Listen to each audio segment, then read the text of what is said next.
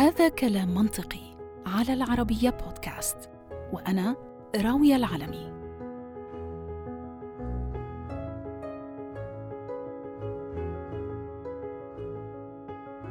لأنه الشيء الوحيد الثابت في الحياة هو التغيير فمن الطبيعي أنه تتغير الأمور.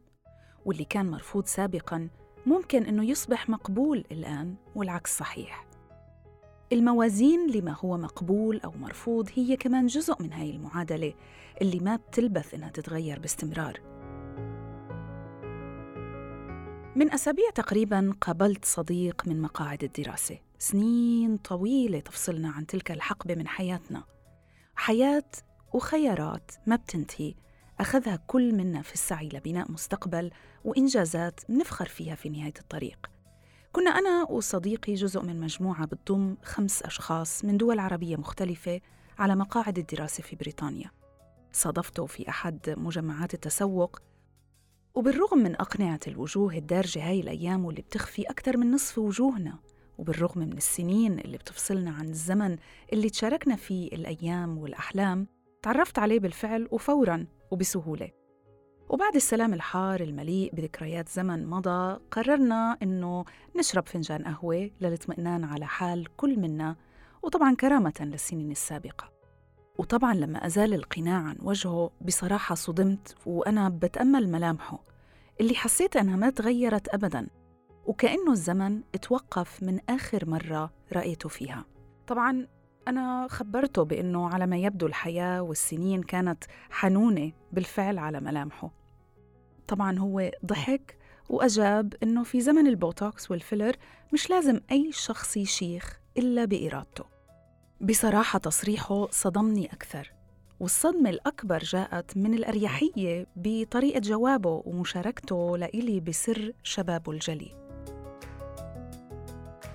رجعت إلى منزلي ليلتها وأنا عم بفكر في جملته وهي بالفعل صحيحة من دون شك لكني شعرت دائما أنه هاي المقولة بتنطبق على النساء منا وما عمري فكرت بيوم من الأيام من منظور ذكوري وأدركت فوراً أنه وجهة نظري الضيقة هي اللي يمكن ما سمحت لي أفكر بأنه البوتوكس والفيلر كفيلين بتأخير عقارب الساعة للجنسين وإنه مش بالضرورة أبداً إنهم يكونوا حكر على النساء.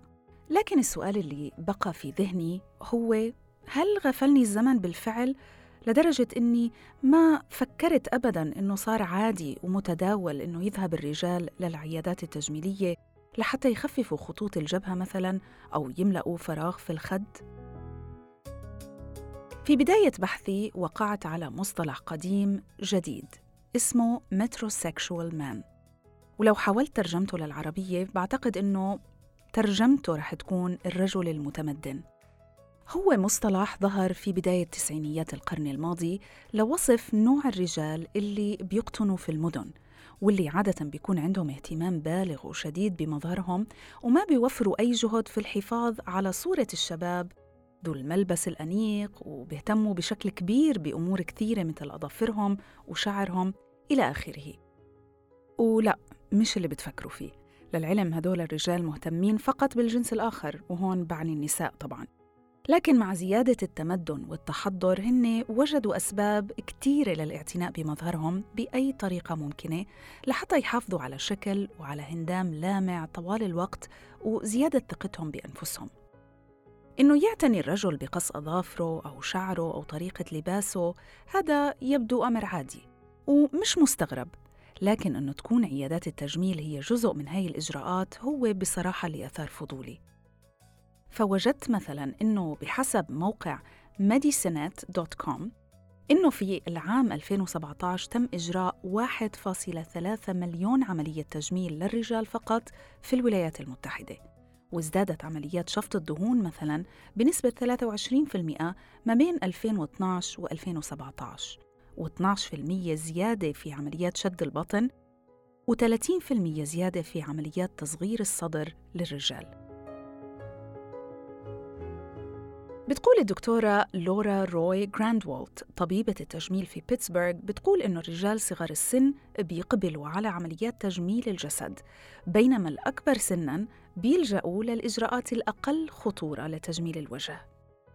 وبتقول المجموعة الأمريكية للطب التجميلي إنه في عام 2017 وحده تم إجراء عدد مهول من الفيلر بزيادة تقدر ب 99% عن عام 2000 وكذلك زيادة كبيرة أيضاً بعمليات حقن البوتوكس لكن شو هو البوتوكس وشو هو الفيلر اللي باتوا هلأ هوس للرجال حول العالم وشو الفرق بينهم؟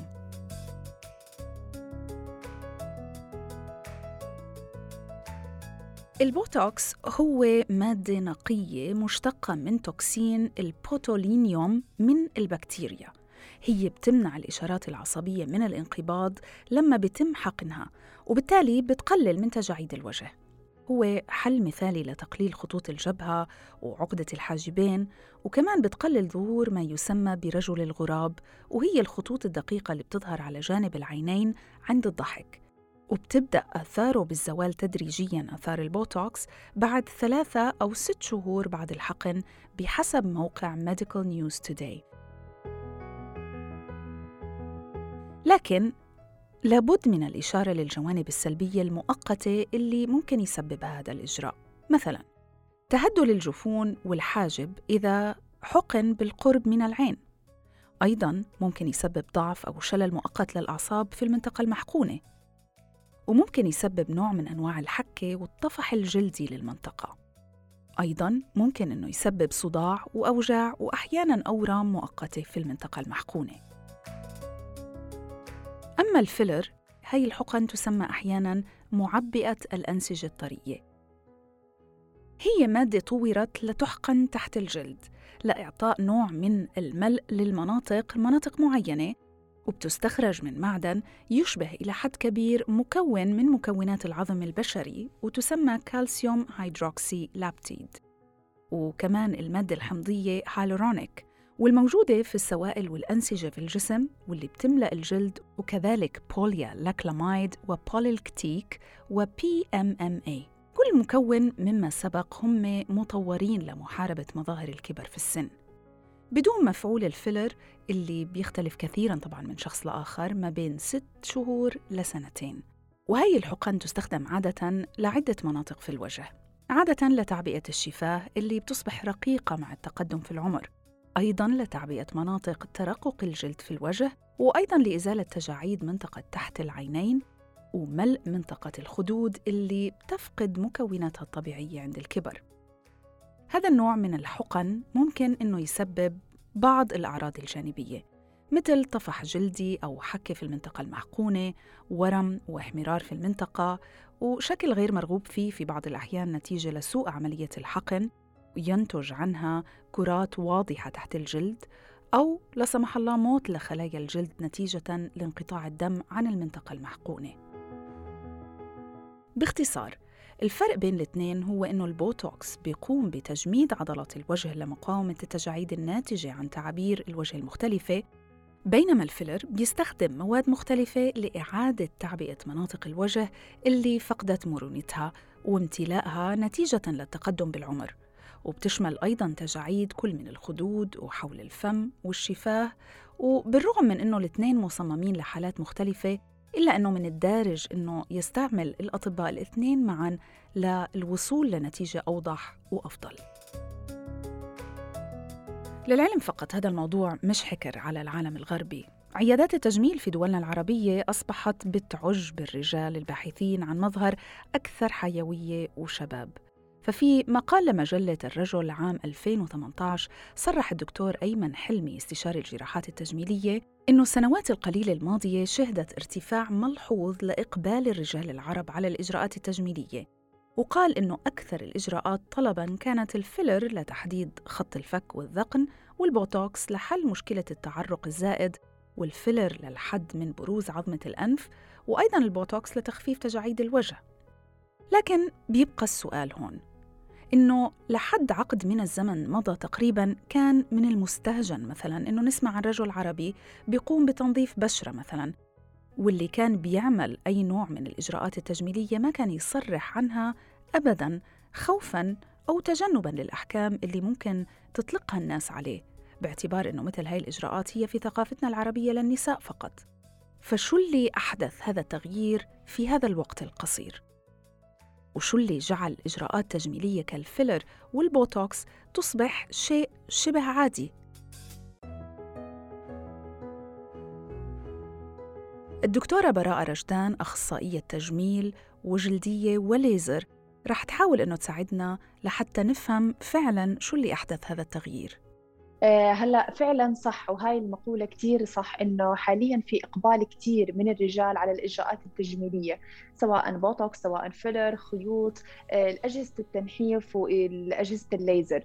هلا النسبة هلا بشكل عام نسبة الرجال حاليا تشكل من الإجراءات التجميلية اللي بتيجي لعيادات الجلدية والتجميل 10% أما باقي 90% هم عبارة عن نساء. قد إيه نسبة الجروث بعدد الرجال بإقبالهم على الإجراءات التجميلية خلال آخر عشر سنين النسبة تضاعفت بين 250% ل 3% كنسبة. يعني تخيلي قد إيه العدد تضاعف من سنة تقريبا 1997 لهلأ ل 2020 آخر دراسة فالنسبة تقريبا ثلاث أضعاف اللي كانت قبل. وهذا إشي كتير الترند صار بهاي الفترة صراحة. وهذا إشي كتير ملفت للنظر خصوصا بأنه يعني إحنا عم نحكي عن مجتمع آه، شرقي عربي محافظ آه، نوعا ما مثلا حضرتك بتشتغلي بالأردن آه، ومجتمع الأردن معروف بأنه يعني مجتمع محافظ. فشو اللي بيخلي الرجال صح. وهذا إشي كان زي ما تقولي مش كتير مقبول أو أو مستهجن نوعا ما في مجتمعنا؟ اللي بيخلي الرجال هلأ هل قد صارت زادت نسبة إقبالهم على إجراءات تجميلية مثل هيك؟ صح هلا بشكل عام الإجراءات التجميلية كانت موضوع غير شائع وغير يعني متقبل حتى بين النساء بالمجتمع العربي لأنه مجتمع محافظ لما بلش النساء يقبلوا على هذا الموضوع وبلش الموضوع ينتشر بين النساء دخل شوي لعالم الرجال لأنه صاروا حتى الرجال ببوزيشن معينة الشكل والاهتمام بالشكل صار جزء من سواء الكارير أو من الشغل أو من أي شيء بطبيعة حياتهم. فخلاهم يتوجهوا لهي الإجراءات التجميلية. صار هدفه إنه يكون يبين أصغر أو إنه يبين بطريقة طبعا ناتشورال آه، إنه ملامحه أصغر لأنه طبيعة شغله بتتطلب هيك. فصار التوجه وصار الموضوع شائع بين حتى المجتمع العربي. صح مش بالطريقة اللي شائع فيها بالعالم الغربي لكن حاليا في فئة معينة من الرجال عم ببحثوا هم بنفسهم عن هاي الإجراءات التجميلية وبيجي هو للعيادة يطلب الإجراءات التجميلية. زمان كان الموضوع عيب أو لا ما بصير أنا زلمة أو هاي المصطلحات. لكن هلأ الهدف يعني حتى الشخص الشاب لما يجي عندي على العيادة بيكون الهدف إني أنا بدي أبين أصغر إني أنا مضايقتني التجاعيد طبيعة شغلي ما بتسمح لازم أكون أصغر من هيك. فصار الموضوع شائع أكثر صراحة من أول. طب شو نوعية الرجال اللي اللي مثلا بتقصد عيادتك لإجراء مثل هاي الإجراءات التجميلية أو العمليات التجميلية الخفيفة خلينا نقول مثل حقن وغيره؟ هل هن من طبقة اجتماعية معينة أو من مجال عمل معين؟ يعني الناس بتشتغل في مجال عمل معين رجال هم اللي بيكونوا أكثر إقبالا من غيرهم على مثل هاي الإجراءات. آه، بدي أحكي عن واقع اللي بيكون بعيادتي. آه، صراحة أغلب آه، الرجال اللي بيكونوا عندي صراحة هم من طبقة طبقة مجتمع معينه صراحة. عادة إما بيكونوا business man يعني هم عبارة عن رجال أعمال فطبيعة شغلهم تتطلب هذا الإشي أو بيكونوا مهندسين أو بيكونوا محاميين أو بيكونوا من الناس اللي بيعملوا كثير لقاءات أو interview أو هاي القصص. يعني في عندهم كثير احتكاك آه، مع المجتمع اللي حواليهم. صراحة هدول أغلب اللي بيجوني أنا على العيادة حتى بالمجتمع العربي هم أغلبهم آه، من هاي الطبقة. طبعا هذا بس بما يخص الحقن التجميلية سواء بوتوكس أو فيلر أو خيوط لشد الوجه هلا بنيجي للإجراءات الثانية الأخف زي جلسات ال hydrafacial أو الليزر الهير ريموفل عادة هذا لطبقات يعني متوسطة من الشباب اللي حابين يهتموا ببشرتهم وحابين يهتموا بحالهم بغض النظر عن الطبقة الاجتماعية اللي بيكونوا هم موجودين فيها لكن الحقن التجميلية مقصورة صراحة لحد الآن على فئة عمرية معينة وعلى طبقة معينة من الرجال. فئة عمرية معينة مثل يعني أي عمر عادة؟ صراحة أغلبهم بيكونوا بعد عمر الأربعين. يعني أنا أغلبهم صراحة بين عمر الأربعين لعمر الستين سنة. هذا الفئة. قليل كتير هلأ مثلا السيدات لا يعني من عمر العشرينات وببلشوا لكن الرجال اللي ببلشوا فعليا صراحة من عمر الأربعين وأكثر. قليل قليل ما يكون في آه، شاب جاييني على عمر بالثلاثينات أنا بدي أعمل بوتوكس بدي أعمل فيلر عندي شوية تجويف مضايقني. قليل كثير ما أسمع هذا ال comment صراحة. أغلبهم فوق ال40 طب وشو أكثر الإجراءات التجميلية اللي بيطلبوها؟ يعني شو شو أكثرها رواجا بالنسبة للرجال؟ هل هي نفسها اللي النساء بتقبل عليها أم تختلف بعض الشيء؟ آه، هلأ بعض الشيء بتختلف لأنه إحنا حتى بحقننا آه، طريقة الحقن ومعايير الجمال بتختلف بين الشاب وبين الست بشكل عام. آه، صراحة أغلب كومنتس بعد كإجراءات تجميلية أول إجراء هو البوتوكس. أكثر شيء مقبلين عليه. بالضبط مضايقهم التجاعيد الخطوط الكشرة الجبين اللي حوالين العين فأكثر إجراء صراحة هو البوتوكس. لأنه بيكون بضايقهم التجاعيد آه، بحوالين العين بالكشرة بالجبين. بعد هيك بيجي ال complain اللي مضايقني التعب اللي بيكون تحت عيني الخطوط اللي حوالين التم أه بحس إني أنا في عندي ترهل فبنلجأ للفيلر أو للخيوط أو لجهاز ال HIFU يعني حسب كيف الحالة بتتطلب. آخر شيء لما يكون الشاب بده يكون more attractive عادة هذا بيكون شوي ل young age يعني ممكن من عمر ال 37 38 لحد عمر ال 45 بيكون بده يعرض ال jawline بده يزيد الدقن بده يبرز المعايير الجمالية بالرجال أكثر. طبعا هاي يعني أقل طلبا.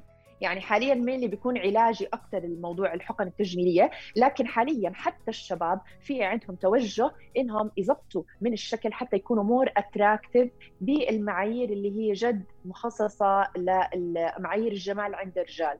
طبعا لأنه هاي المعايير بتختلف بين النساء وبين الرجال. احكي لنا أكثر دكتورة كيف بتختلف هاي المعايير؟ شو هي الأشياء اللي آه، يعني بالنسبة للرجال آه، المفروض إنها تكون بارزة مثلا صح. في الوجه غير عن النساء؟ وهل العلاجات أو طريقة صح. الحقن أو المادة التي تحقن آه، مختلفة عن اللي تستخدم مع النساء؟ آه، هلا آه، طبعا كل اللي ذكرتيهم 100% آه، بيختلفوا بين الرجال وبين النساء.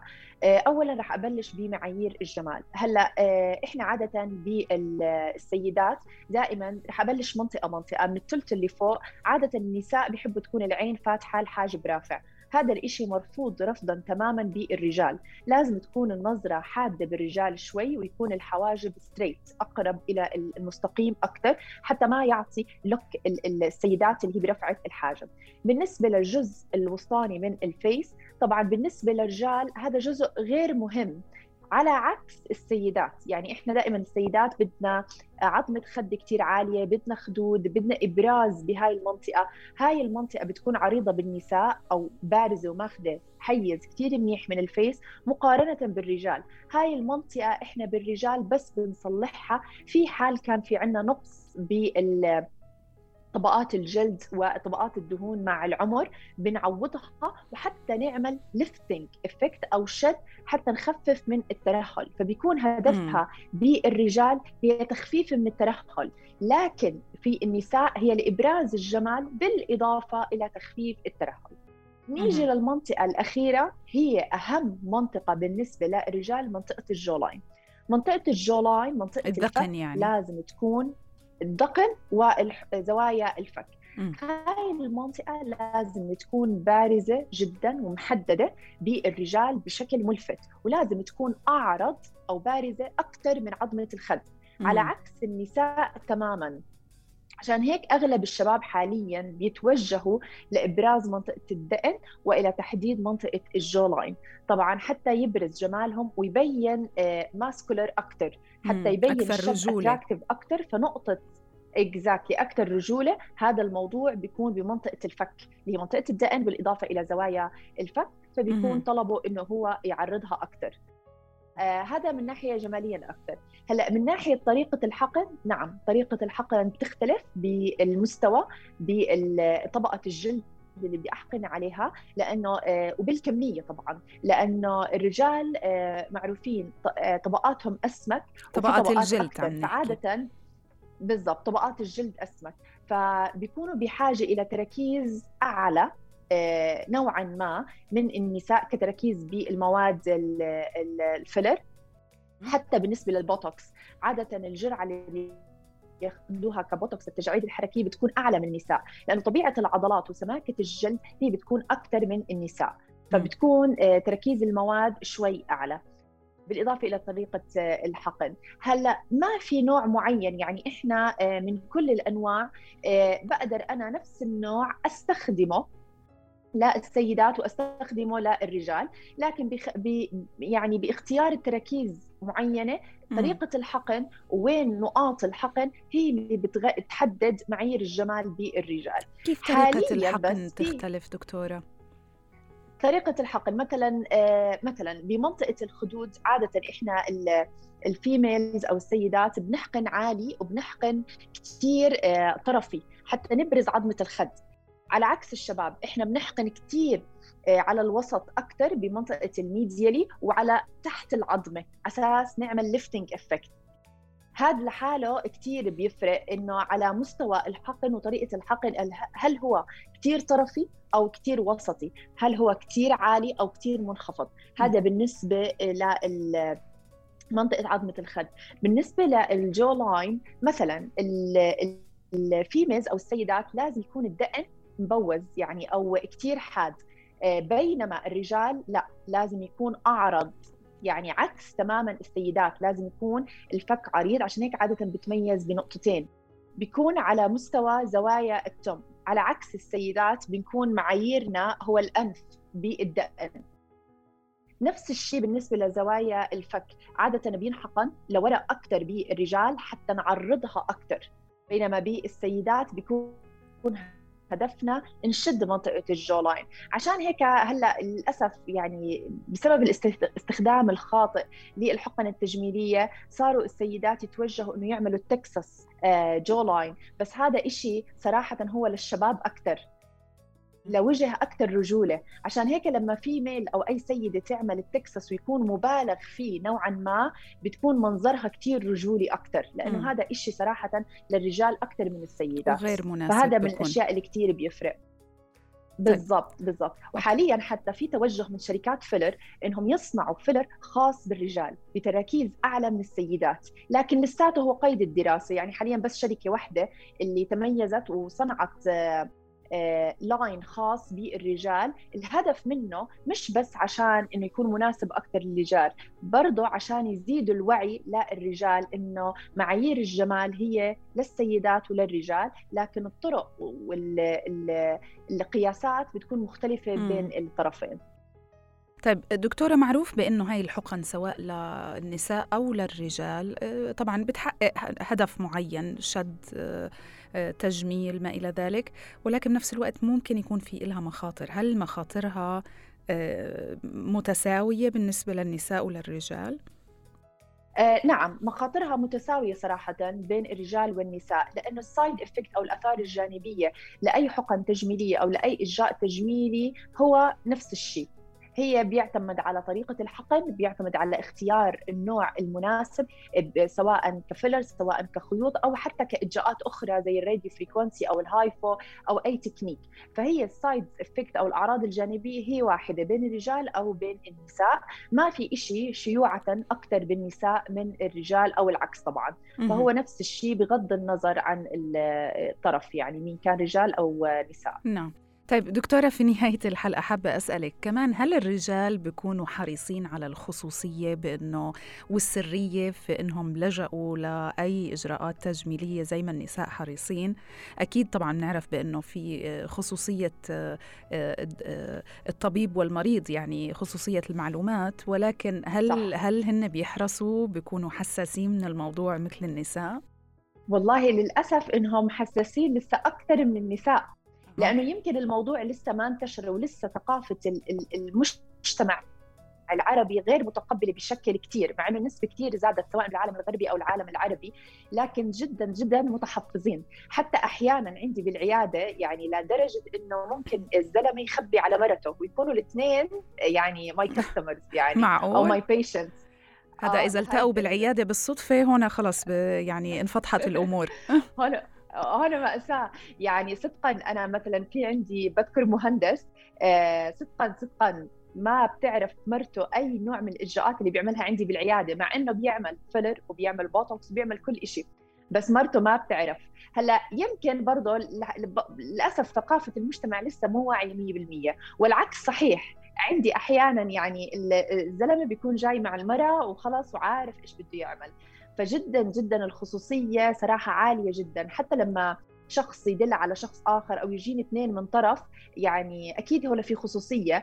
دائما بذكر آه، أكثر من الست عندي بالعيادة إنه دكتورة لو سمحتي ما بدي حدا يعرف أنا شو بعمل بالعيادة. هاي الكلمة بسمعها صراحة من الرجال أكثر من السيدات. يعني هلأ صراحة صدقا يعني النساء هلأ بلش الموضوع شوي يعني يخف. صح لسه ستيل في ناس بس كثير أخف الرجال كثير أكثر صراحة.